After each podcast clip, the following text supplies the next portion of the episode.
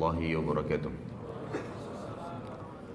إن الحمد لله segala puji bagi Allah Subhanahu wa taala nahmaduhu wa nasta'inuhu wa nastaghfiruh hanya kepadanya kita memuji meminta pertolongan serta bertaubat dari dosa-dosa kita wa na'udzu billahi min syururi anfusina dan hanya kepada Allah pula kita meminta agar dijauhkan dari keburukan-keburukan diri kita wa min sayyiati a'malina dan dari dosa-dosa yang pernah kita lakukan may yahdihillahu fala mudhillalah barang siapa yang telah Allah berikan hidayah maka tidak akan pernah sesat selamanya.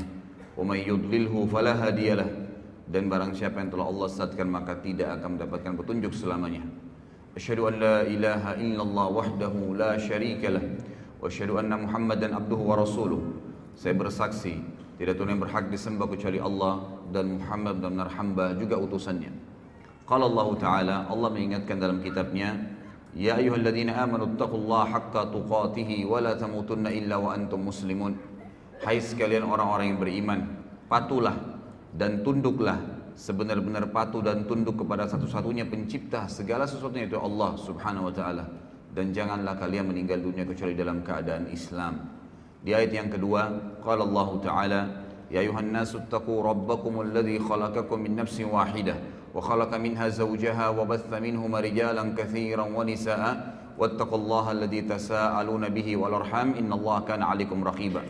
Hai sekalian manusia, sekali lagi bertakwalah, hanya patuh dan tunduklah kepada satu-satunya pencipta segala sesuatunya itu Allah yang telah menciptakan kalian dari jiwa yang satu itu Adam alaihissalam dan menciptakan dari jiwa yang satu istrinya Hawa alaihissalam dan telah banyak memberikan keturunan laki-laki juga perempuan dari keduanya. Sekali lagi bertakwalah, hanya patuh dan tunduklah kepada Allah dan jagalah hubungan silaturahim. Sungguhnya Allah senantiasa mengawasi kalian.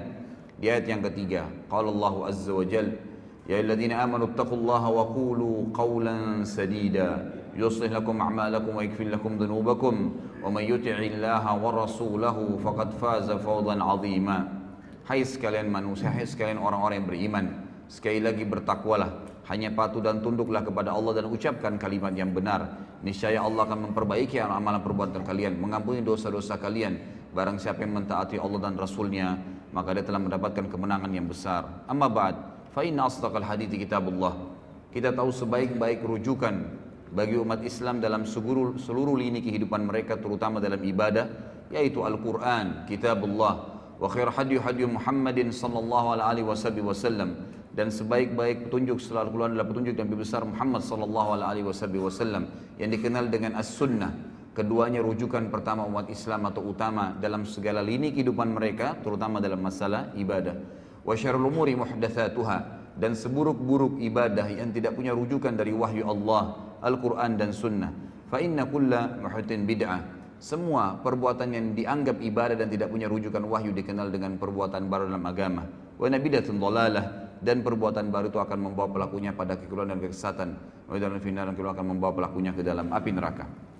Bapak Ibu sekalian ikhwah akhwat rahimani rahimakumullah. Tentu yang paling pertama yang layak kita ucapkan adalah segala puji bagi Allah yang telah memudahkan kita untuk berkumpul di rumahnya ini dan juga untuk menghadiri majelis ilmu. Serta sebagaimana sudah saya bahasakan kepada teman-teman panitia Insya Allah saya usahakan dengan izin Allah setiap bulan kita lowongkan setiap bulan akan ada tablik akbar khusus untuk membahas tentang kisah-kisah sahabat Nabi dan ini memang pertemuan pertama kita membahas tentang sahabat yang termulia yaitu Abu Bakar radhiyallahu anhu. Ada beberapa alasan kenapa saya memilih tema sahabat ini. Yang pertama saudaraku, banyak sekali umat Islam yang tidak pernah, tidak tahu, bahkan tidak pernah mau tahu siapa saja orang-orang yang telah sukses sebelum mereka, baik dunia maupun akhirat yang mereka pikirkan adalah orang-orang yang masih hidup bersama mereka yang dianggap belum berhasil sebenarnya. Mereka baru ya berhasil di poin-poin tertentu di substansial kehidupan, belum semuanya, gitu kan. Tapi ada orang-orang yang telah mendahului kita dari orang-orang saleh terlebih dahulu. Mereka sukses dunia, kaya raya, seperti figur Abu Bakar nanti akan kita jelaskan. Dia seorang pedagang kalau Anda mau bicara seorang pedagang dan termasuk miliardernya Mekah Beliau juga adalah seorang raja nantinya menjadi khalifah. Beliau seorang ayah yang sukses dan memiliki banyak anak serta empat orang istri. Beliau juga radhiyallahu anhu yang memiliki banyak sekali kelebihan-kelebihan termasuk tokoh masyarakat Mekah. Beliau adalah pejuang yang paling berani di medan perang. Beliau memiliki prinsip-prinsip hidup gitu kan. Umur yang panjang sampai 63 tahun dan banyak sekali hal yang luar biasa dari kehidupan beliau sebagaimana akan kita tahu nanti. Dan akan banyak sekali kita akan ambil pelajaran dari kejadian-kejadian dari kehidupan beliau dan semoga Allah memberikan taufiknya untuk itu. Dan juga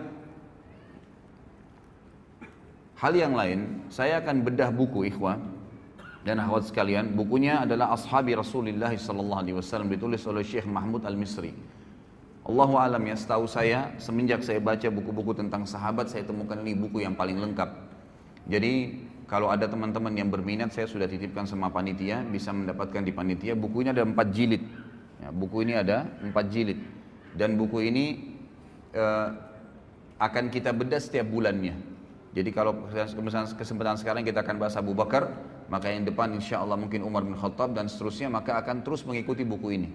Jadi pun kalau ikhwah dan akhwat memilikinya, maka akan terus kita bedah sampai selesai empat jilid dengan izin Allah subhanahu wa ta'ala. Saya ingin titik beratkan uh, dalam metode penyampaian saya nanti ini, ya, bahasan ini, dan ini bahasan yang cukup panjang sebenarnya. Sejarah Abu Bakar radhiyallahu anhu ini bukan sejarah yang pendek, sejarah yang panjang dan Allah alam kita tidak tahu bisa selesai sampai duhur atau tidak. Maka perlu saya tekankan kepada teman-teman bahwasanya saya tidak fokus kepada tanya jawab nantinya, tapi saya akan fokus ke materi. Dan ini yang lebih penting dalam majelis ilmu. Jadi majelis ilmu itu yang di nomor satu kan adalah materi yang diterima, bukan pertanyaannya. Kalau Allah mudahin nanti di akhir waktu ada kesempatan untuk bertanya, Alhamdulillah gitu kan. Kalau tidak, maka bisa nanti menghubungi saya di luar materi ini seperti yang disampaikan oleh panitia. Setiap Rabu malam, Maghrib Isya ada materi yang rutin saya sampaikan di masjid kita ini. Antara Maghrib Isya materi kitab Al-Kabair dan kemudian dilanjutkan tanya jawab sampai jam 9 malam. Dan itu bebas Anda bertanya apa saja. Saya akan masuk dulu ke judul kita. Judul kita ini menggapai derajat siddiq bersama Abu Bakar. Karena ada kalimat siddiq yang saya terima atau yang saya titik beratkan pada saat saya sampaikan judul ke panitia, maka saya akan jelaskan dulu kalimat siddiq itu sebelum masuk ke masalah siapa itu Abu Bakar dan apa yang kita bisa ambil dan kenapa beliau mendapatkan julukan siddiq itu sendiri. Saudaraku siddiq itu diambil dari kata sadaqa yasduqu yang berarti jujur, tanggung jawab, amanah, penuh kepercayaan. Itu artinya. Kalau seseorang itu memiliki sifat kriteria tadi dari definisinya, maka dia dikatakan siddiq untuk laki-laki dan siddiqah untuk perempuan. Allah Azza Jal menggunakan kalimat siddiq ini di banyak dalam ayat Al-Quran. Ada orang-orang yang memang Allah sebutkan. Seperti misalnya Allah sebutkan tentang Yusuf alaihissalam. Dalam surah Yusuf urutan 12 ayat 46 Allah Subhanahu wa taala berfirman A'udzu billahi minasyaitonir rajim. Yusufu ayyuhas siddiq. Al-ayah. Tentu ada lanjutan ayatnya tapi ini saksi bahasan. Wahai Yusuf ya orang yang siddiq karena Yusuf alaihissalam adalah orang yang penuh dengan amanah, tanggung jawab, kejujuran dan kepercayaan penuh. Kemudian juga Allah Subhanahu wa taala sebutkan tentang Ibrahim alaihissalam di dalam surah Maryam urutan 19 ayat 41. A'udzu billahi minasyaitonir rajim. Wadhkur fil kitab Ibrahim innahu kana siddiqan nabiyya. Al-ayah. Dan ingatlah tentang kisahnya Ibrahim. Penyampaian Allah tentang Ibrahim.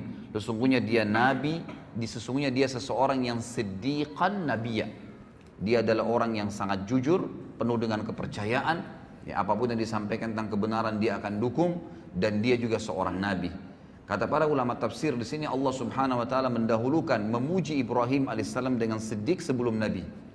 Berarti siddiq ini punya kedudukan kedudukan tersendiri karena sebab utama para nabi-nabi ditunjuk oleh Allah justru karena mereka punya sifat sidq.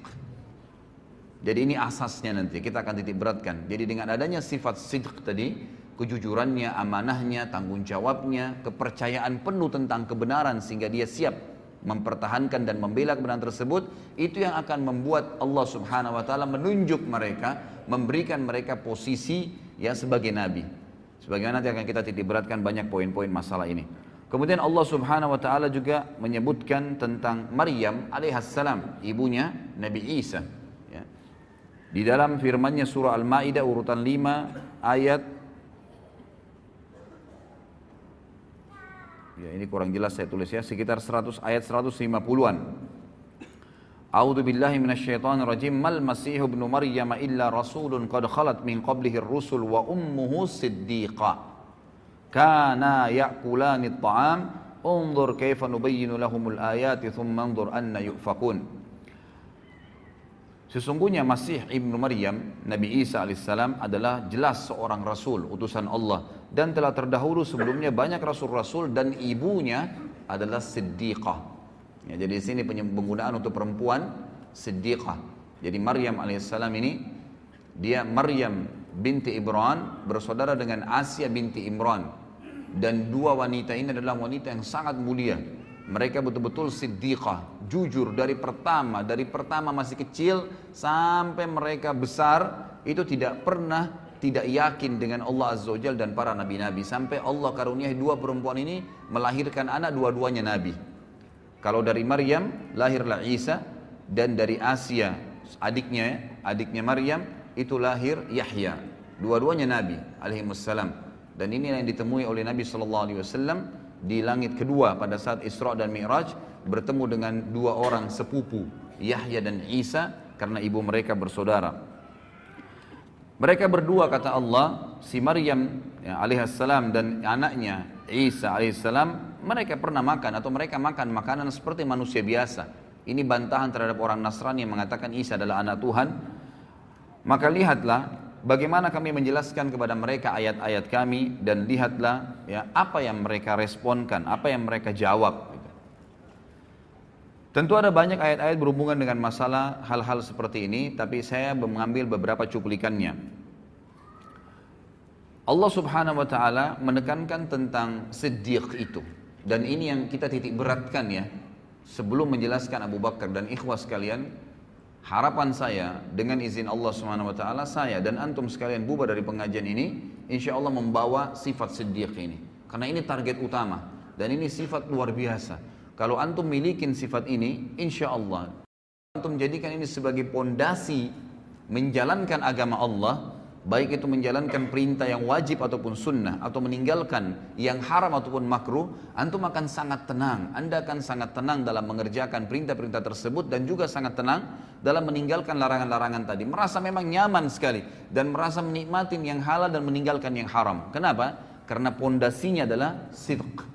Bagaimana betul-betul sebagaimana Allah ceritakan. Apa itu sidq? Allah tekankan di dalam Al-Quran. Surah Al-Hadid urutan 57 ayat 19. A'udzu billahi minasyaitonir rajim. Walladzina amanu billahi wa rusulihi ulaika humus siddiqun.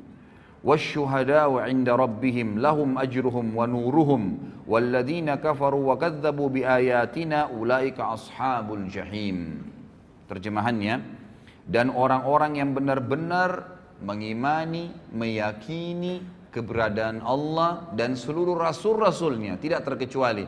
Sehingga apa pun yang diperintahkan oleh Allah dan Rasulnya tidak ada keraguan dalam mengimaninya dan menjalankannya serta mempraktekannya. Nggak ada keraguan. Jenggot diperintahkan Nabi SAW langsung dilakukan tidak ada keraguan. Sholat diperintahkan awal waktu afdal azan langsung sholat tidak pakai peduli. Seseorang muslim disuruh tutup auratnya langsung tidak pakai tidak pakai membantah tidak pakai berpikir itu cirinya orang siddiq. Apa pun. Mau mengeluarkan uang atau mau mendapatkan pendapatan ternyata kita khawatir itu adalah haram bisa mengundang murkanya Allah ditinggalkan seketika. Itu ciri siddiq. Orang yang benar-benar yakin kalau Allah larang maka pasti berbahaya buat dia dan kalau Allah perintahkan pasti baik buat dia. Itu asasnya. Kalau ini antum jadikan sebagai pondasi agama itu luar biasa. Ini adalah derajat siddiq. Kata Allah dan orang-orang yang telah mengimani Allah, yakin keberadaannya dan mengamalkan semua apa yang Allah inginkan serta mengimani seluruh rasul, mengikuti mereka. Mereka lah orang-orang yang siddiq dan juga yang dianggap jujur dan tadi ya penuh dengan kepercayaan. Dan juga mereka akan menjadi saksi-saksi di hadapan Tuhan mereka nanti dan mereka akan mendapatkan cahaya yang sempurna. Mereka akan mendapatkan pahala yang sempurna dan cahaya yang sempurna dari Tuhan mereka kata para ulama tafsir cahaya ini adalah setiap orang melihatnya selalu merasa nyaman selalu merasa dekat dengan Allah karena sidiknya ya, jadi orang kalau sidik itu maka pada saat orang dekat dengannya selalu merasa dekat dengan Allah selalu merasa dekat dengan surga, selalu berpikir akhirat, selalu menganggap remeh semua dunia dan kecil apa pun yang berhubungan dengan kemaksiatan kepada Allah Subhanahu wa taala. Dan sungguhnya orang-orang yang kafir sebaliknya. Kafir kepada Allah dan Rasul-Rasul serta membohongkan ayat-ayat. Gak ada surga, gak ada itu alam barzah. Siapa yang bilang orang kalau ibadah itu dapat pahala banyak, sekian gunung, sekian ini dan seterusnya. Siapa yang bilang orang kalau kena maksiat, maksiat itu lalu dihukum oleh Allah? Subhanallah, saya kemarin tablik akbar di Makassar. Saya tem ngisi tema tentang kenalilah Tuhanmu kau akan bahagia. Pada saat saya jelaskan ikhwas sekalian, itu ayat atau hadis Nabi SAW tentang penciptaan langit, tujuh lapis langit dan sampai sidratul muntaha bagaimana besarnya Allah Azza Jal, bagaimana besarnya sehingga sana.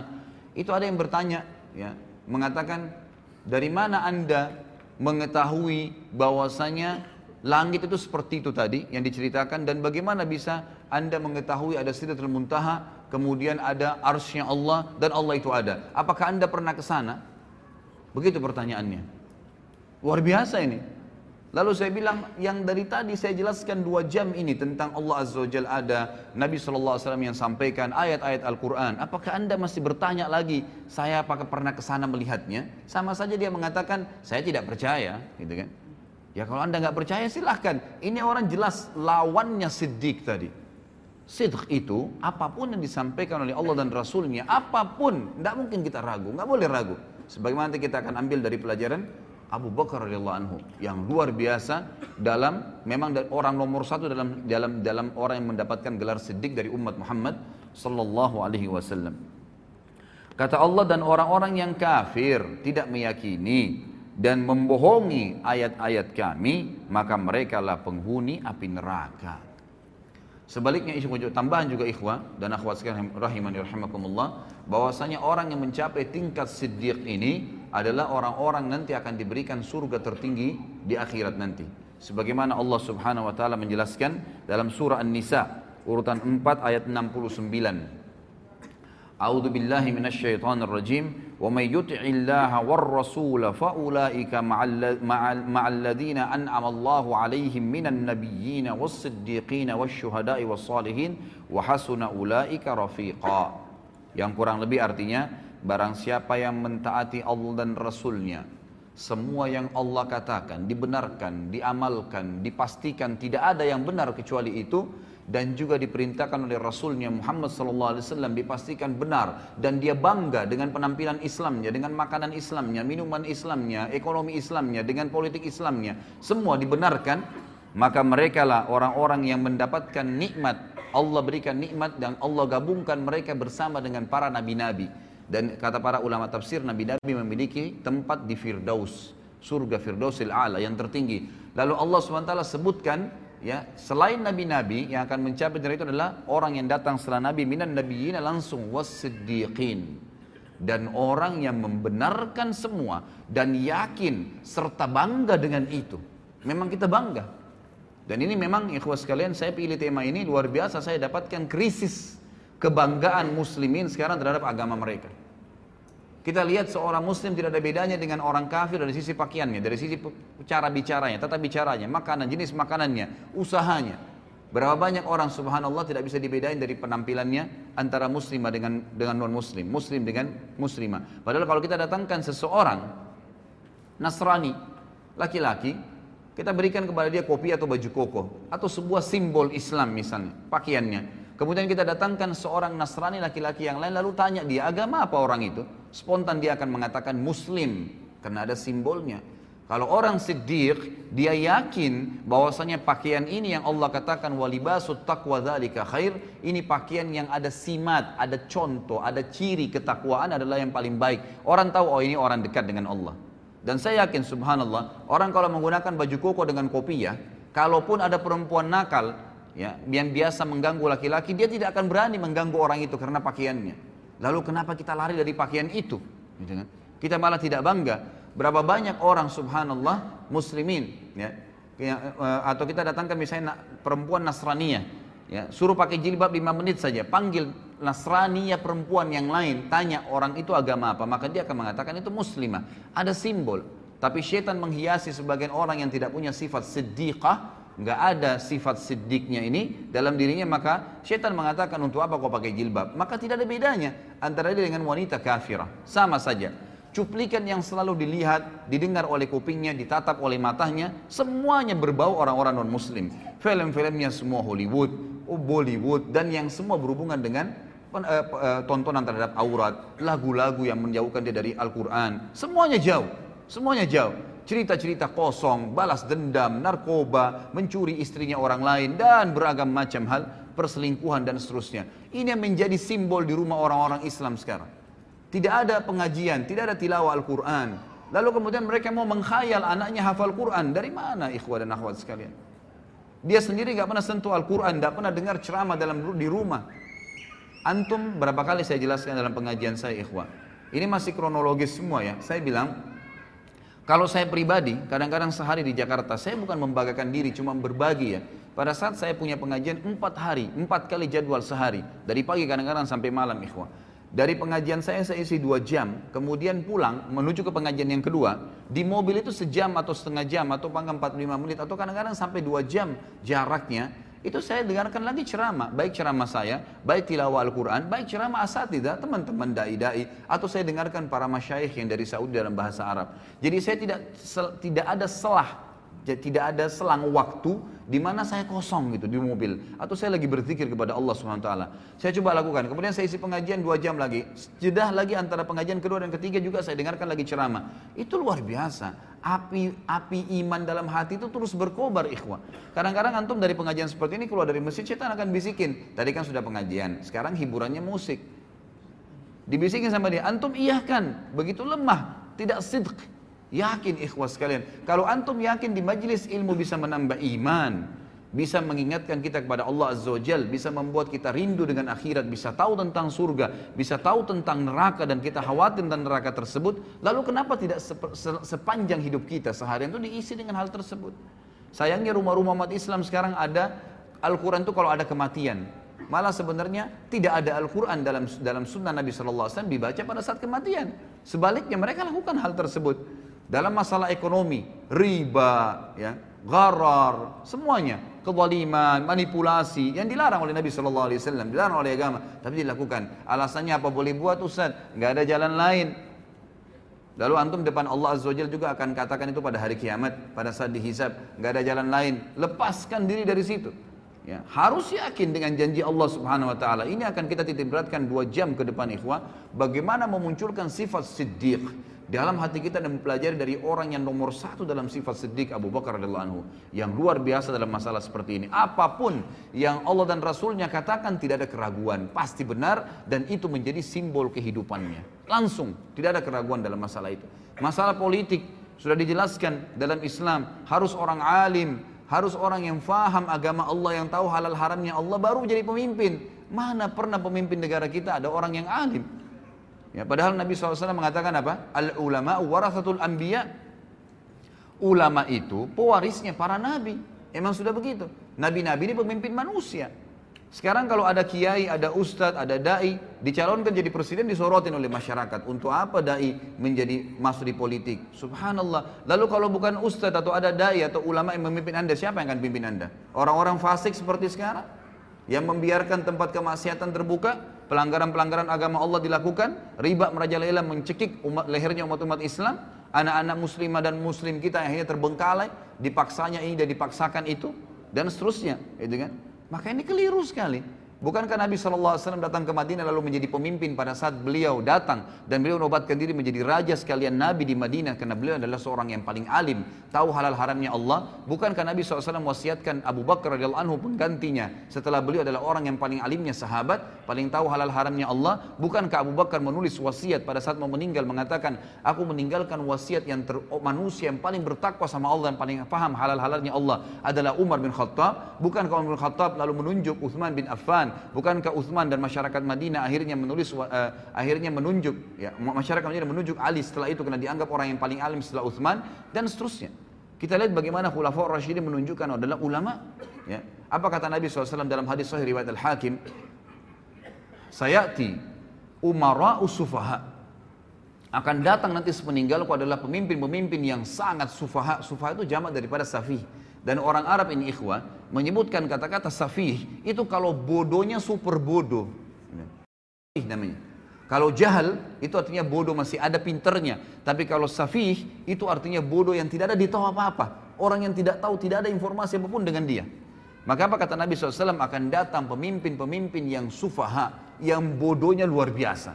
Kenapa Nabi SAW katakan bodoh? Belum lanjutkan hadis yang mengatakan umara'u la yahtaduna bihaddi wa la yastannuna bisunnati. Pemimpin-pemimpin yang tidak akan pernah mengambil petunjuk dariku. Enggak mau nunjuk pun Nabi Muhammad SAW. Tidak mau tahu halal haramnya Nabi SAW. Nabi SAW ya seorang Nabi Muslim ya sudahlah. Saya juga Muslim tapi nggak hubungnya dengan politik saya. Subhanallah. Ya. Lalu siapa yang anda jadikan patokan? Belanda, Inggris, negara-negara Barat, orang-orang kafir yang kufur kepada Allah Subhanahu Wa Taala. Lahirlah sistem demokrasi yang akhirnya siapa yang paling banyak suaranya, siapa yang paling kuat, ya orang masanya maka dia yang menang walaupun dia bodoh. Subhanallah khalik gitu kan. Ini luar biasa karena kita jahilnya, kita tidak tahu tentang apa yang diajarkan Nabi SAW dan kita tidak sidq, kita tidak mempercayai itu. Seakan-akan ragu benar nggak Islam nih? Benar nggak Islam itu bisa ngatur politik? Padahal 1345 tahun kita memimpin dunia. Bagaimana anda masih ragu dengan masalah itu? Lalu kata Nabi SAW, Nabi sunnati dan tidak pernah ngikutin sunnah-sunnahku. Kita lihat sekarang negara-negara Islam.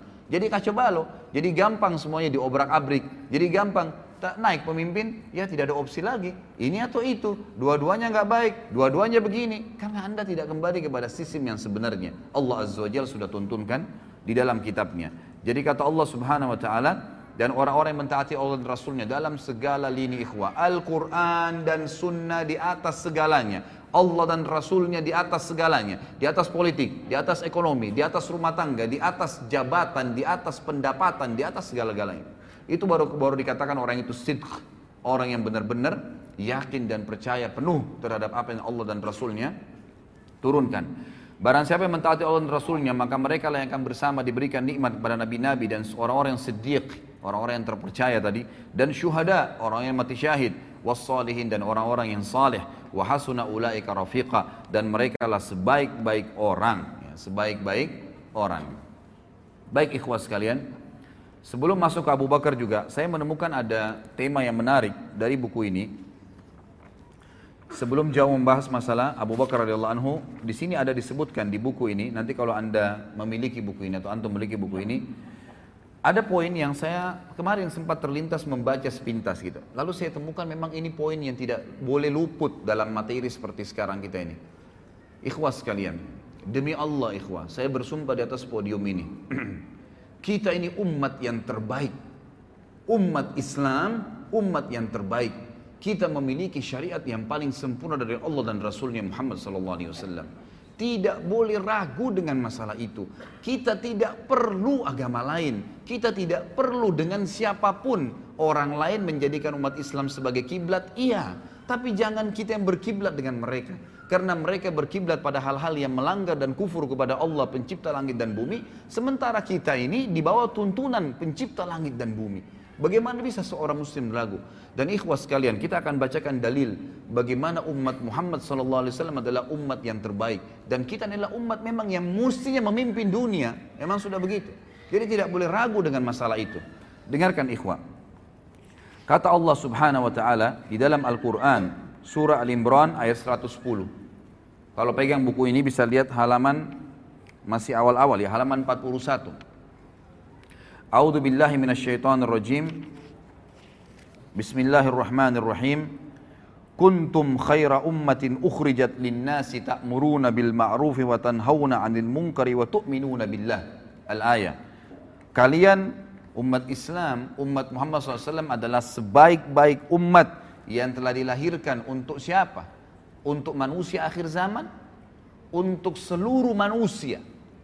Dari zaman Adam alaihissalam sampai hari kiamat. Kalian adalah sebaik-baik umat, artinya kalian pemimpinnya, kalian yang harus jadi patokan, kalian harus jadi panduan, kalian yang menjadi contoh bagi orang lain. Dan kalian, sifat kalian adalah kalian selalu menyeru kepada yang ma'ruf.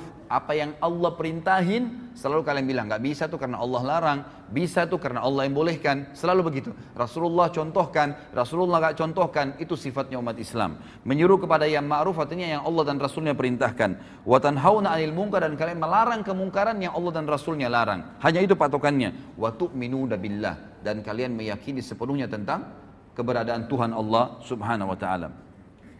Kemudian juga disebutkan di dalam surah Al-Baqarah ayat 143.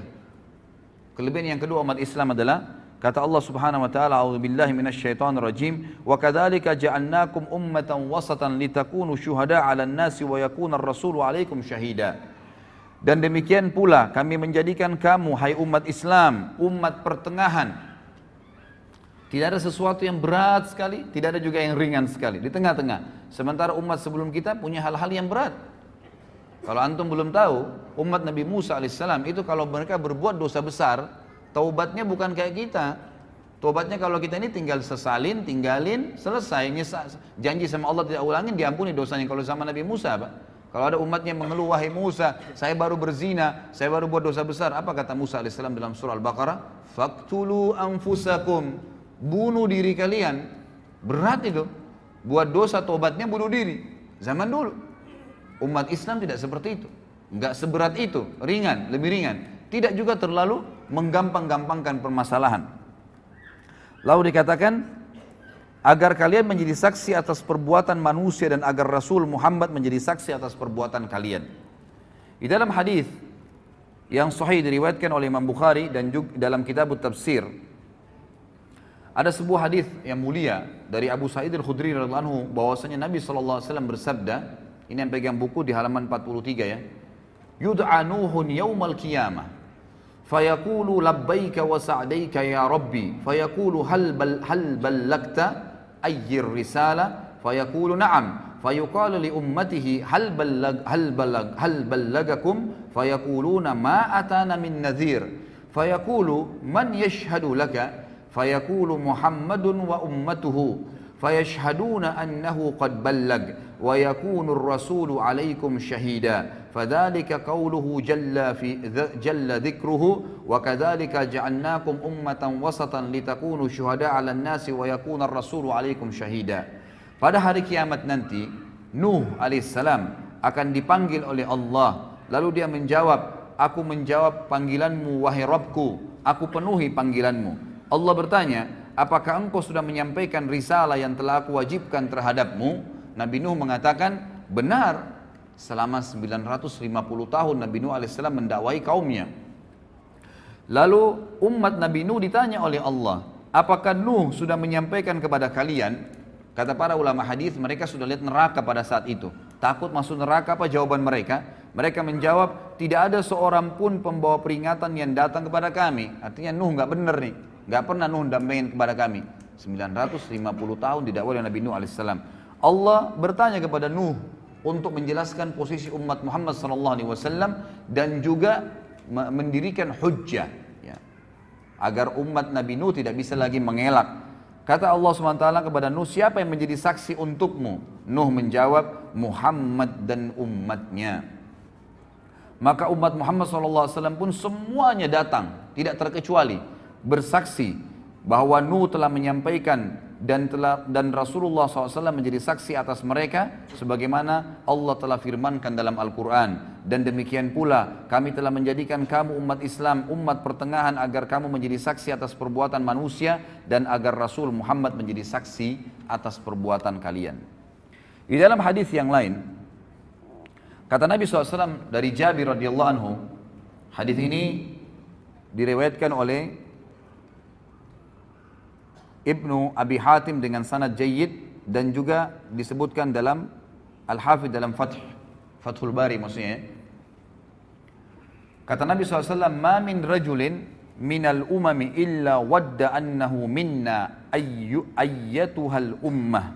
Ma min nabiyyin kadzabahu qaumuhu illa wa nahnu syuhada'uhu yaumal qiyamah an qad ballaga risalatallahi risalatallahi risalatallahi wa nasaha lahum. Tidak ada seorang pun dari umat-umat sebelum kita, kata Nabi SAW, kecuali dia berharap berasal dari kita, wahai umat Islam. Ini perkataan Nabi ya. Sekali lagi kata Nabi SAW. Ketahuilah tidak ada seorang pun dari umat-umat sebelum kita. Karena kita ini umat terakhir. Gitu kan. Kecuali karena nabi-nabi mereka sampaikan nanti akan datang umat terakhir, nabinya paling sempurna, umatnya paling baik, paling banyak pengikutnya, paling pertama masuk surga, banyak kelebihan-kelebihan nanti. Lalu mereka kecuali berharap, semuanya berharap umat-umat sebelum kita, termasuk golongan kita ini. Termasuk golongan kita umat Islam. Tidak ada seorang nabi pun yang didustakan oleh kaumnya kecuali kita akan kita adalah saksi-saksinya pada hari kiamat bahwasanya dia telah menyampaikan risalah Allah dan menasihati mereka. Juga disebutkan di dalam hadis yang lain, ini mohon maaf saya tidak bisa bacakan semua karena hadisnya panjang. Saya pindah ke halaman setelahnya, halaman 45. Kata Nabi Shallallahu Alaihi Wasallam dalam hadis yang sahih diriwayatkan oleh Ahmad dan Tirmidzi juga Ibnu Majah. Dan ini dihasankan oleh Syekh Al-Bani sebagaimana dijelaskan dalam footnote-nya. Kata Nabi SAW, innakum tum, tumit, tum, innakum tumit, tum, uh, innakum tutib, tutimmuna innakum tutimmunal innakum tutimmuna sab'ina ummah antum khairuha wa akramuha 'ala Allah sesungguhnya kalian akan melengkapi 70 umat. Ya, kata para ulama hadis maksudnya adalah ada 70 kelompok umat yang besar nanti pada hari kiamat. Dan kalian adalah yang melengkapi yang paling banyak di antara 70 umat itu. Kalian adalah yang terbaik dan termulia bagi Allah di dalam hadis yang lain diriwayatkan oleh Ahmad dan Tirmidzi dari Anas dan Syekh Albani mengatakan atau mensahihkan hadis ini kata Nabi SAW mathalu ummati mathalul matar. La yudra awwaluhu khairun am akhiruh. Umatku ibaratnya hujan.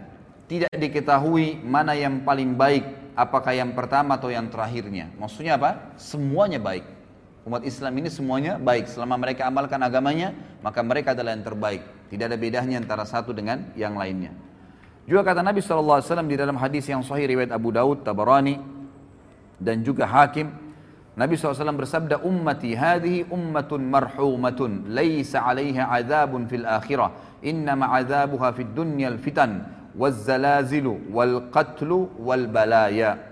Umatku ini adalah umat satu-satunya yang dikasihani oleh Allah tidak ada azab atas mereka di akhirat. Maksudnya orang-orang ya yang umat Islam ini umumnya kata ulama hadis sebelum mereka meninggal itu diberikan kesempatan untuk bertaubat. Selalu diingatkan oleh Allah Subhanahu wa taala. Jadi betul-betul orang yang masuk ke neraka nanti dari umat Islam ini umat-umat yang betul-betul menyimpang. Benar-benar tidak mau bertaubat, tidak mau kembali ke jalan Allah Subhanahu wa taala. Akan tetapi azabnya akan datang di dunia dalam bentuk fitnah-fitnah gempa bumi, pembunuhan, mungkin mereka dibunuh oleh orang-orang lain dan wabah penyakit. Kemudian di dalam hadis yang lain juga diriwayatkan Imam Muslim dari Abu Musa al-Asy'ari bahwasanya Nabi sallallahu alaihi wasallam bersabda, "Inna Allah azza wa jal idza arada rahma, rahmata ummatin min ibadihi qabada nabiyyaha qablaha faja'alahu laha faratan wa salafan baina yadayha wa idza arada halakata ummatin hayyun fa ahlakaha wa huwa yanzuru fa aqarra aynaha aynahu bihalakit bihalakit bihalat bihalatiha hina kadzabuhu wa asaw amrah. Jika Allah azza wajal hendak merahmati suatu umat dari hamba-hambanya niscaya dia mengambil atau mewafatkan nabinya sebelum mereka. Seperti Nabi Muhammad SAW wafat sebelum para sahabat umumnya dia menjadikan nabi tersebut sebagai pendahulu di hadapan mereka sehingga bisa dicontohin. Jika Allah hendak membinasakan satu umat, niscaya dia Allah menyiksanya sebelum nabi mereka atau selama nabi mereka masih hidup. Allah membinasakan mereka sedangkan nabi mereka melihatnya. Seperti kasus Nabi Nuh, Nabi Lut. Jadi dilihat. Dia membuatnya tenang dengan kebinasaan mereka manakala mereka mendustakan dan menyelisihi perintahnya.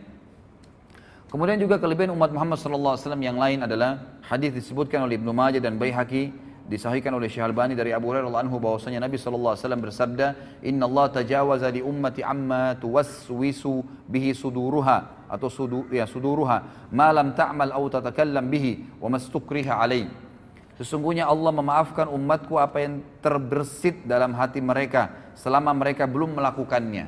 Jadi kalau kita lagi sholat, kemudian ada bisikan-bisikan ria, bisikan apa saja, selama kita belum iakan, maka tidak terhitung batal gitu kan. Sebab semua ibadah pasti ada terlintas bisikan setan ya. Kita mau sedekah, tuh orang puji, itu orang ini. Kita lagi sholat tuh, indahkan ada teman di sebelah kamu, kamu dipuji. Kita lagi berdoa seperti itu. Selama kita nggak iakan, maka tidak ada masalah.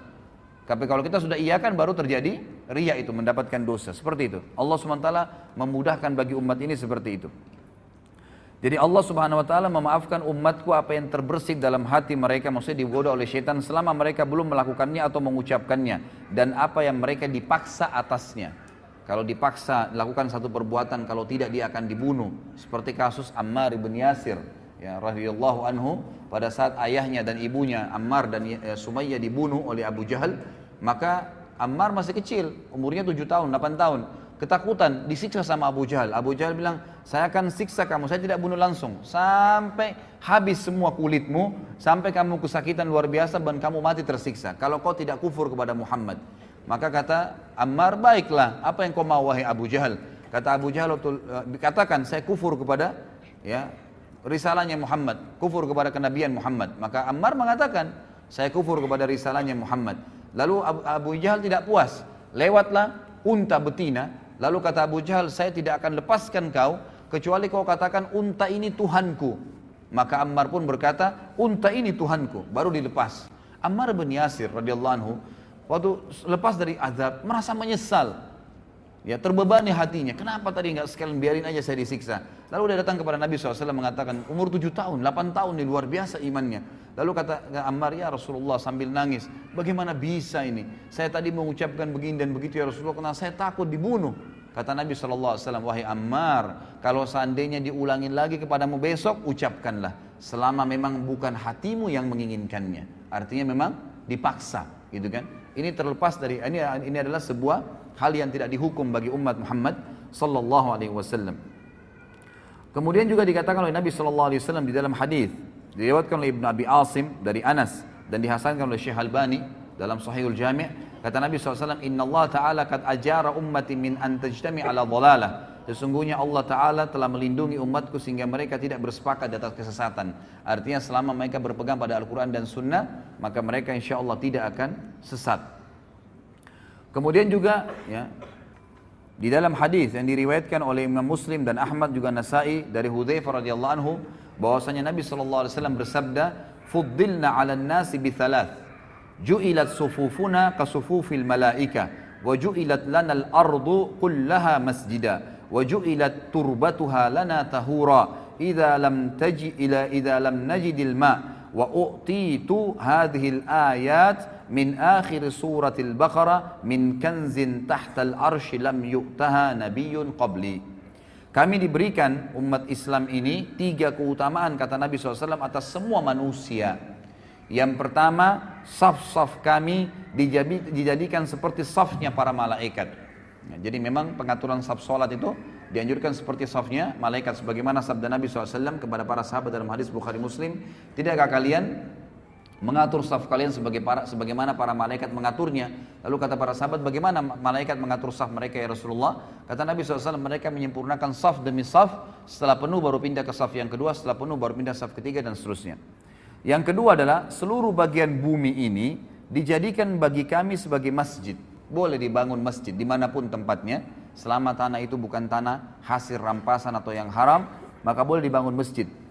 Dan yang ketiga, debunya bumi ini dijadikan untuk kami sebagai alat bersuci jika kami tidak mendapatkan air. Bisa bertayamum dari mana saja, ya debu yang ada.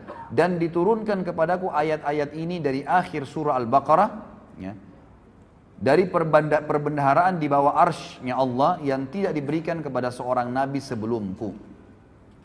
Kemudian juga tentu di sini ada banyak sekali ya hadis-hadis Nabi Shallallahu Alaihi Wasallam yang mungkin saya tidak bisa bahas semua. Tentu saya berharap ikhwan dan akhwat bisa memiliki bukunya sekali lagi karena buku ini akan kita bedah setiap bulannya dengan izin Allah. Kalaupun memang Allah memberikan ada halangannya maka minimal anda sudah memiliki buku rujukan yang saya jadikan sebagai referensi utama ini di sini ada banyak sekali ya.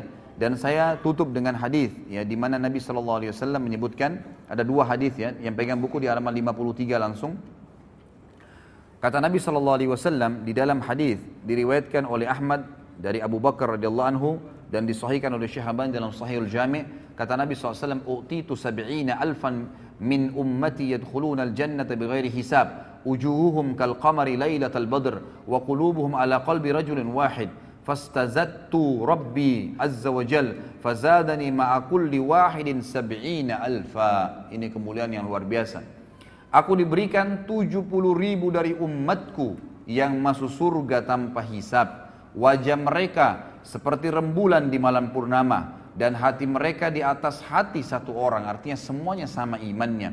Aku lalu meminta tambahan kepada Robku maka dia Robku memberiku tambahan setiap satu orang dari 70 ribu itu ditambahkan 70 ribu orang yang lain sehingga masing-masing mereka bisa membawa 70 ribu.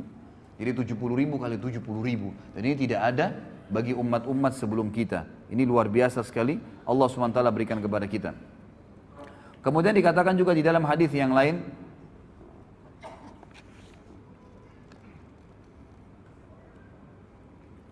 diriwayatkan di halaman 54 ya. Footnote nomor 24 diriwayatkan oleh Ahmad Tirmidzi dan Ibnu Majah dari Burairah radhiyallahu disahihkan oleh Syekh Albani sama di Sahih Jami' kata Nabi sallallahu alaihi wasallam ahlul jannati ishruna wa mi'atu saf thamanuna minha min hadhil ummati wa arba'una min sairil umam penduduk surga itu sebanyak 120 saf nanti jumlahnya. Ya, 120 saf. 80 darinya itu adalah dari umat ini. 80 saf dari 120 yang masuk surga itu adalah dari umat ini. Sedangkan 40 yang lain adalah 40 yang sisa dari umat yang lainnya. Jadi cuman bayangkan ya, dari Nabi Adam alaihissalam sampai Nabi Isa alaihissalam berapa miliar manusia? Itu cuma 40 saf. Sementara kita ini 80 saf yang masuk ke dalam surga pada hari kiamat. Kata ulama hadis ini menandakan fadilah yang sangat besar dan dijanjikan juga umat ini akan sangat banyak jumlahnya akan sangat banyak pengikutnya. Baik ini kurang lebih wacana gambaran tentang pentingnya kita mengetahui kita adalah umat yang terbaik ikhwah. Maka banggalah dengan agama Islam ini. Jalani hidup ini. Jadikan Islam sebagai tradisi. Dan jangan balik Garis bawah kata-kata saya ini jangan balik, jangan menjadikan tradisi sebagai Islam, nggak boleh. Tradisi, suku, adat, negara, habiskan semua, nggak ada. Bagi saya, karena saya Muslim, Islam yang menjadi tradisi hidup saya. Selesai. Maka kita punya standarisasi tradisi. Mau di Afrika, mau di Eropa, mau orang bule, mau orang hitam, mau orang Arab, mau orang Melayu, mau orang dari mana pun, suku mana pun, kalau kita bertemu dengannya maka akan sama semua perilakunya, pakaiannya, makanannya, minumannya, tutur katanya, akhlaknya semua akan sama. Karena yang dijadikan tradisi adalah Islam. Itu yang dititik beratkan ikhwah. Tidak usah lagi berpatokan dengan agama lain. Tidak usah berpatokan dan menjadikan idola orang-orang non-muslim. Kembalilah kepada orang-orang muslim. Dan kita akan lihat nanti figur pertama yang luar biasa pada hari ini. Kemudian saya kerucutkan bahasan juga sebelum Abu Bakar radhiyallahu anhu saya akan sebutkan ikhwah, di antara umat Islam ini ada lagi orang-orang yang terbaiknya. Jadi tadi kita umat yang terbaik, ada juga di kalangan umat Islam ini orang-orang yang terbaik itulah para sahabat ridwanullahi alaihim, sahabat Nabi radhiyallahu eh, sallallahu alaihi wasallam eh, sahabat-sahabat Nabi sallallahu alaihi wasallam yang yang Allah SWT telah memberikan julukan mereka radhiyallahu anhum waradu'an. Inilah imam-imam kita. Mereka lah ya panutan-panutan kita, idola-idola kita. Di buku ini ada lebih dari sekian puluh sahabat yang disebutkan dan satu orang saja, ikhwan dan akhwat sekalian, kalau kita jadikan sebagai rujukan hidup kita, idola kita, sudah cukup untuk selamat dunia akhirat.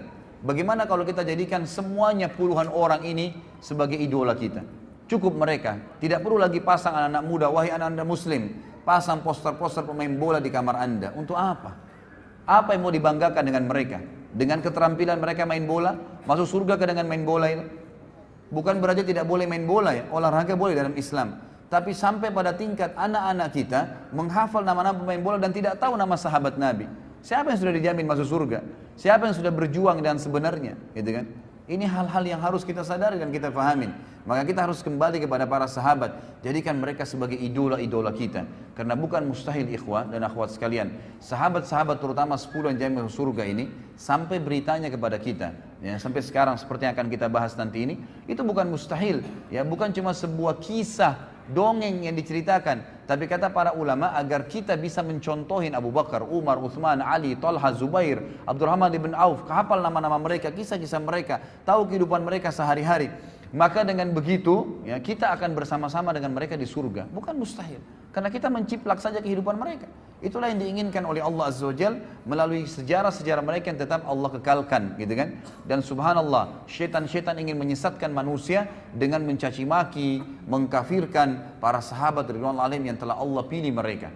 Nanti kita akan baca sebentar lagi fadilah dan keutamaan para sahabat. Sehingga di sini ikhwas sekalian kita tidak butuh lagi panutan siapa pun kecuali mereka setelah Nabi Muhammad sallallahu alaihi wasallam.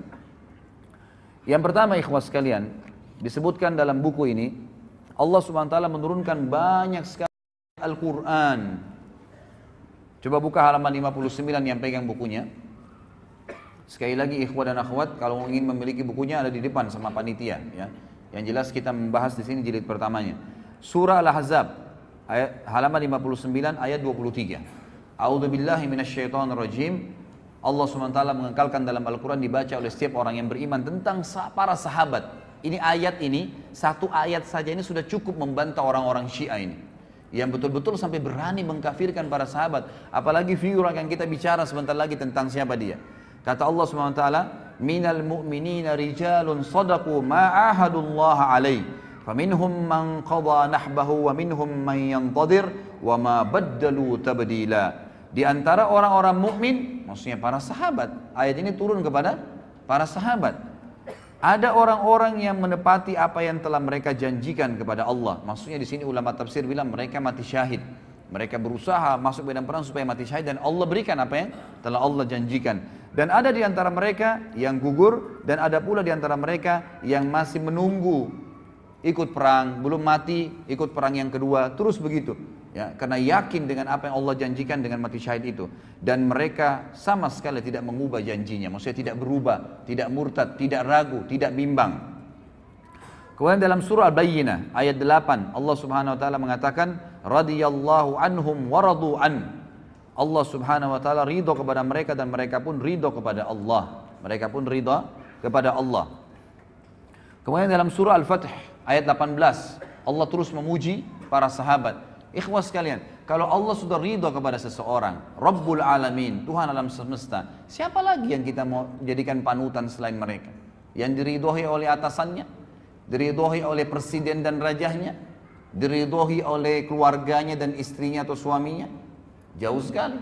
Diridhoi oleh pencipta langit dan bumi radhiyallahu anhum waradu an. Allah sudah ridho kepada mereka semua sahabat di sini jamak radhiyallahu anhum. Tidak terkecuali gitu kan? Waradu'an. Dan mereka juga ridho dengan Allah ridho dengan agama ini. Mereka memilih itu.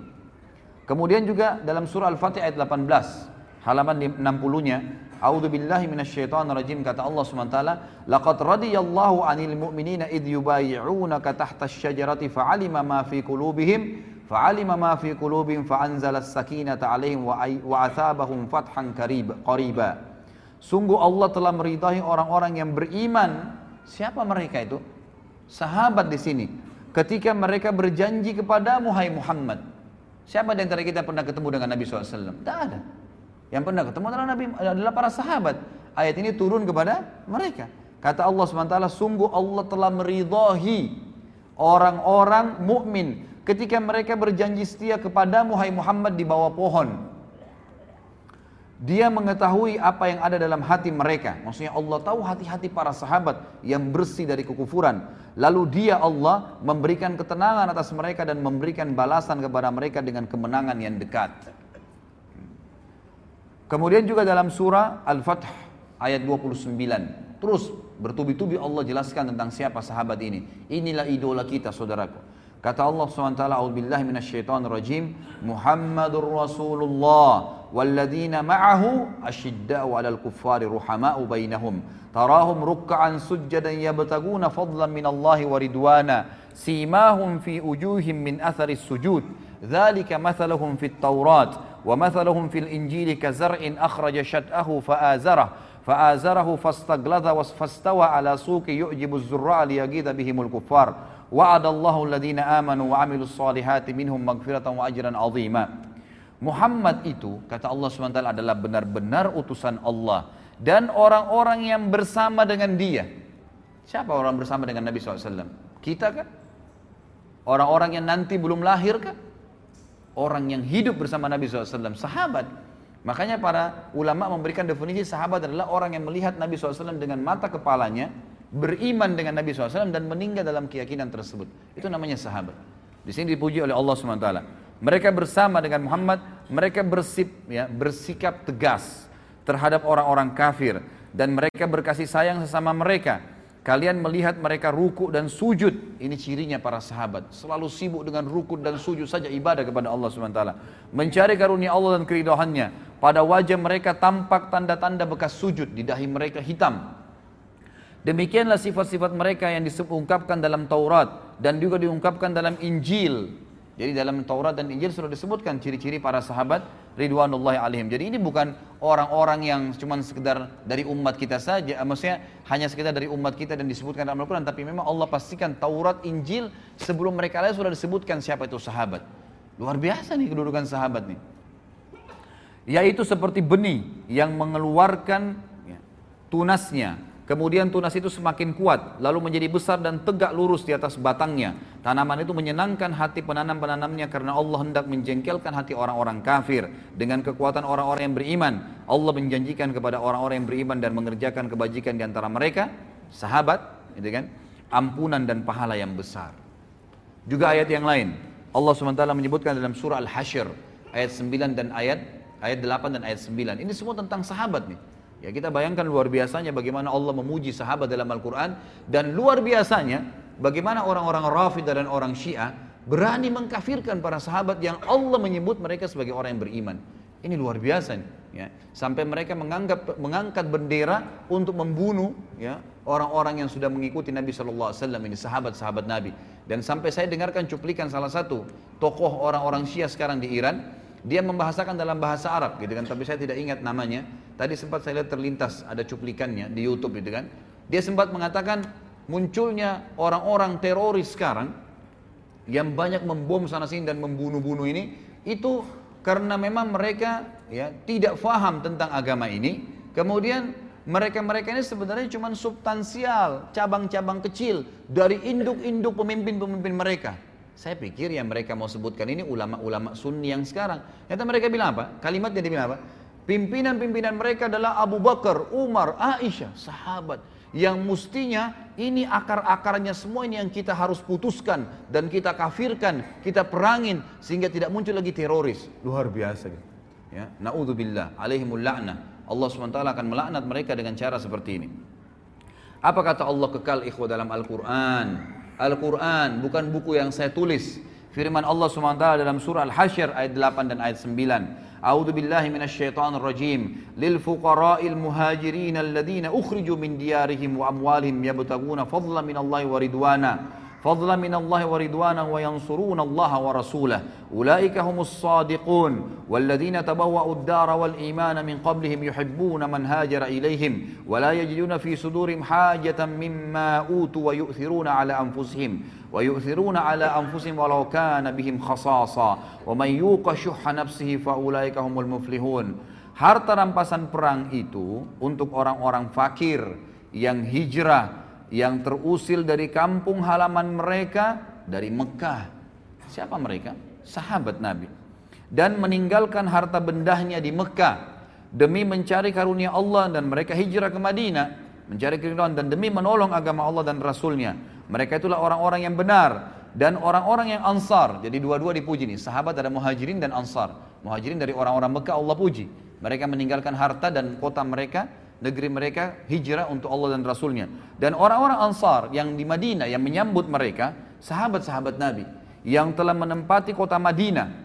Siapa yang menempati kota Madinah di zaman Nabi SAW? Sahabat Nabi dan telah beriman sebelum kedatangan mereka para muhajirin kepada Nabi Muhammad SAW. Mereka mencintai orang-orang yang berhijrah ke tempat mereka dan mereka tidak menaruh keinginan dalam hati mereka terhadap apa yang diberikan kepada mereka muhajirin. Maksudnya memberi balasan, memberikan bantuan kepada muhajirin tidak berharap balasan. Itu sifat sahabat-sahabat Ansar.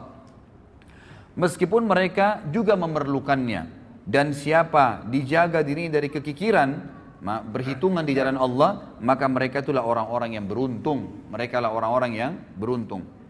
Kemudian surah At-Taubah ayat 88 sampai 89. Terus Allah sebutkan banyak ayat tentang sahabat nih. Sengaja saya angkat ayat-ayat ini dan saya bahas ikhwah dan akhwat sekalian rahimahumullah agar kita tahu nih, inilah idola-idola kita ini, ini ahli-ahli surga dan sudah sukses di dunia juga di akhirat. Di dunia nanti akan kita lihat kisah Abu Bakar radhiyallahu anhu. Kata Nabi kata Allah SWT Taubah 88 89 A'udzubillahi minasyaitonir rajim. Lakinir rasul walladzina amanu ma'ah jahadu bi amwalihim wa anfusihim wa ulaika lahumul khairat wa ulaika humul muflihun. A'addallahu lahum jannatin tajri min tahtiha al-anharu khalidina fiha dzalikal fawzul azim. Tetapi rasul dan orang-orang yang beriman bersama dia beriman kepada Nabi Muhammad sallallahu alaihi wasallam sahabat mereka berjihad dengan harta dan jiwa mereka itu memperoleh kebajikan. Mereka itulah orang-orang yang beruntung. Sahabat dipuji oleh Allah SWT. Allah telah menyediakan bagi mereka surga yang mengalir di bawahnya sungai-sungai. Mereka kekal di dalamnya. Itulah kemenangan yang agung. At-Taubah ayat 100. A'udzu billahi minasyaitonir rajim. Ayat setelahnya. والسابقون الأولون من المهاجرين والأنصار والذين اتبعوهم بإحسان والذين اتبعوهم بإحسان رضي الله عنهم ورضوا عنه وعد لهم وعد لهم جنات تجري تحتها الأنهار خالدين فيها أبدا ذلك الفوز العظيم dan orang-orang yang terdahulu lagi yang pertama-tama masuk Islam dari golongan muhajirin dan ansar kata ulama tafsir penyebutan Allah SWT muhajirin ansar memastikan tidak mungkin orang lagi mendustakan kalau ini turun kepada para sahabat ridwanullah alaihim karena tidak ada orang yang berjulukan muhajirin dan ansar kecuali para sahabat Nabi. Dan orang-orang yang mengikuti mereka dengan baik setelah itu.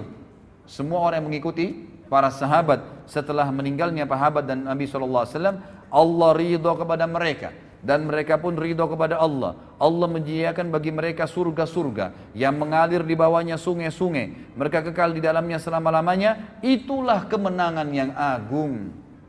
Ikhwah sekalian Ikuti para sahabat, sahabiat Nabi, pertahankan sampai malaikat maut mencabut ruh Anda, maka pasti kita akan masuk surga. Allah yang berfirman, Allah sediakan surga yang di bawahnya mengalir sungai-sungai. Gak usah pusing lagi dengan artis fulan, artis fulan, idola profesor, doktor ini. Sibuk dengan sahabat Nabi Ridwanullah alaihim. Wallahi ikhwah, Abu Bakar nggak punya ijazah dari Amerika. Umar nggak punya ijazah dari Eropa. Tapi memimpin negara, menjadi orang yang sangat adil dan mereka payah raya, pedagang yang berhasil, keturunannya semua sukses. Ya, kita akan lihat bagaimana Abu Bakar dalam kehidupannya luar biasa. Ya, bukan berarti saya katakan tidak usah berpendidikan formal, silahkan, gitu kan. Tapi jangan itu dijadikan sebagai idola, panutan, seakan-akan sudah melupakan semua orang-orang yang sudah kita sebutkan dari kalangan sahabat. Selanjutnya surah At-Taubah ayat 117. Kata Allah Subhanahu wa taala, "A'udzubillahi minasyaitonir rajim. Laqad laqad taballahu 'alal 'alan nabiy wal muhajirin wal ansar alladziina ittaba'uhum fi sa'atil usr." الذين اتبعوه في ساعة الأسرة من بعد ما كاد يزيغ قلوب فريق منهم ثم تاب عليهم إنه بهم رؤوف رحيم Allah berfirman ya, sungguh Allah telah menerima taubat Nabi Nabi Muhammad sallallahu alaihi wasallam dan orang-orang muhajirin dan orang ansar. Di sini Allah bukan sebutkan mukminin umumnya, tapi di sini dikhususkan Nabi dan muhajirin dan ansar. Artinya sahabat-sahabat yang mengikuti Nabi pada masa-masa kesulitan di awal-awal Islam. Sulit sekali menyebarkan Islam. Ikhwas sekarang dan akhwat sekalian kita luar biasa ya. Lahir zaman sekarang ini luar biasa kalau bagi saya bilang. Kita lahir Quran sudah sempurna, masjid sudah banyak, orang tua kita muslim, ya. Di mana-mana tersebar agama Islam. Sudah jelas, masjid di Mekah sudah bebas dari kekufuran, Madinah sudah bisa dikunjungi, orang bisa umroh haji sepuasnya. Luar biasa Islam. Kalau kita lahir di zaman Nabi SAW, ikhwah, nggak gampang jadi sahabat. Luar biasa sulitnya.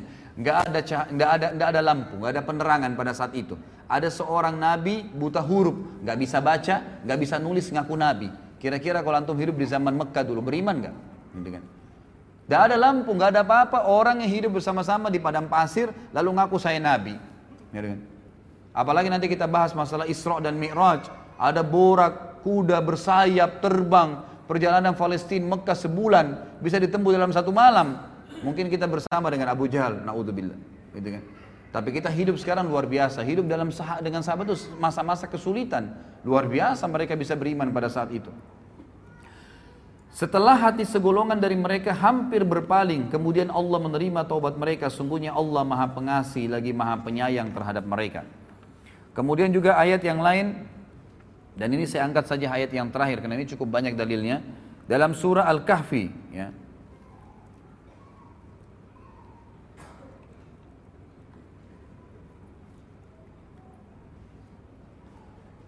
Baik, saya pilih ayat yang lain ya. Kita kita cari ayat yang kira-kira ayat Al-Imran. Terakhir ya Al-Imran di halaman 65 ayat 172 174 A'udzu billahi minasyaitonir alladzina istajabu lillahi war rasuli min ba'di ma asabahumul karh. Lilladzina ahsanu minhum wattaqau ajrun 'azim. Alladzina qala lahumun nasu innan nasa qad jama'u lakum fakhshawhum fazadahum imana فزادهم إيمانا وقالوا حسبنا الله ونعم الوكيل فانقلبوا بنعمة من الله وفضل لم يمسسهم سوء واتبعوا رضوان الله والله ذو فضل عظيم Orang-orang yang mentaati perintah Allah dan Rasul Muhammad SAW setelah mendapatkan luka dalam perang Uhud. Siapa yang hadir di perang Uhud? Kita kan? Para sahabat Nabi. Orang-orang yang berbuat kebajikan dan bertakwa di antara mereka, para sahabat, mendapatkan pahala yang besar. Yaitu orang-orang yang mentaati Allah dan Rasulnya. Yang ketika ada orang-orang yang mengatakan kepada mereka di perang Uhud, orang-orang Quraisy telah mengumpulkan pasukan untuk menyerang kalian. Karena itu takutlah kepada mereka. Apalagi berita Muhammad SAW telah terbunuh pada saat itu. Ternyata ucapan itu justru menambah kuat iman mereka, para sahabat. Dan mereka menjawab, cukuplah Allah menjadi penolong bagi kami dan dia sebaik-baik pelindung. Maka mereka kembali dengan nikmat dan karunia yang besar dari Allah. Mereka tidak ditimpa suatu bencana dan mereka mengikuti keridhaan Allah. Allah mempunyai karunia yang besar. Ini ayat-ayat ikhwah dan cukup banyak ayat-ayat yang lain tapi kita suka sampai sini ayatnya. Saya akan angkat di sini perkataan Ibnu Mas'ud tentang para sahabat Nabi. Sahabat menceritakan tentang sahabat. Apa kata beliau? Di sini penulis mengatakan sungguh indah ucapan Ibnu Mas'ud radhiyallahu anhu tentang para sahabat Rasulullah sallallahu alaihi wasallam. Dia berkata, "Inna Allah nadhara fi qulubil ibadi fawajada qalba Muhammadin sallallahu alaihi wasallam khaira qulubil ibad.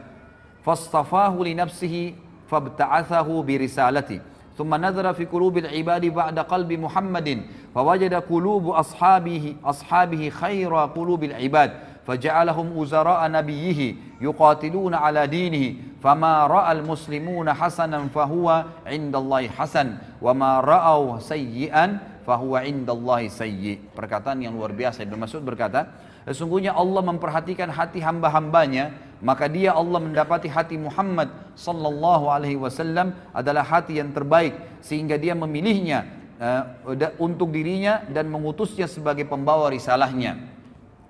Kemudian Allah Azza wa Jalla melihat hati hamba-hambanya setelah hati Muhammad sallallahu alaihi wasallam, maka dia mendapati hati para sahabatnya adalah hati yang terbaik sehingga dia menjadikan mereka sebagai pendukung-pendukung nabinya yang berperang di atas agamanya. Apa yang dipandang baik oleh para sahabat kaum muslimin pada saat itu, maka ia juga baik di mata Allah. Karena para sahabat ya dari perilaku-perilaku mereka, dari perkataan mereka, dari pertanyaan mereka kepada Nabi SAW, maka turunlah ayat membenarkan perilaku mereka. Dan apa yang dipandang buruk oleh kaum muslimin sahabat pada saat itu, maka ia juga buruk dipandang oleh Allah Subhanahu wa taala.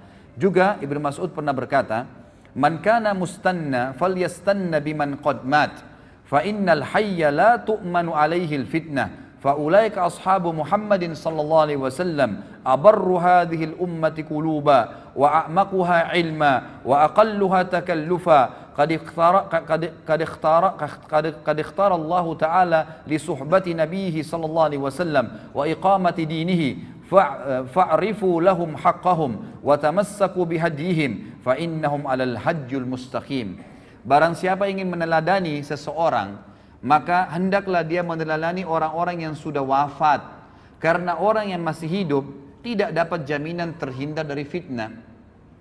Mereka itulah orang-orang terbaik dari sahabat Muhammad sallallahu alaihi wasallam.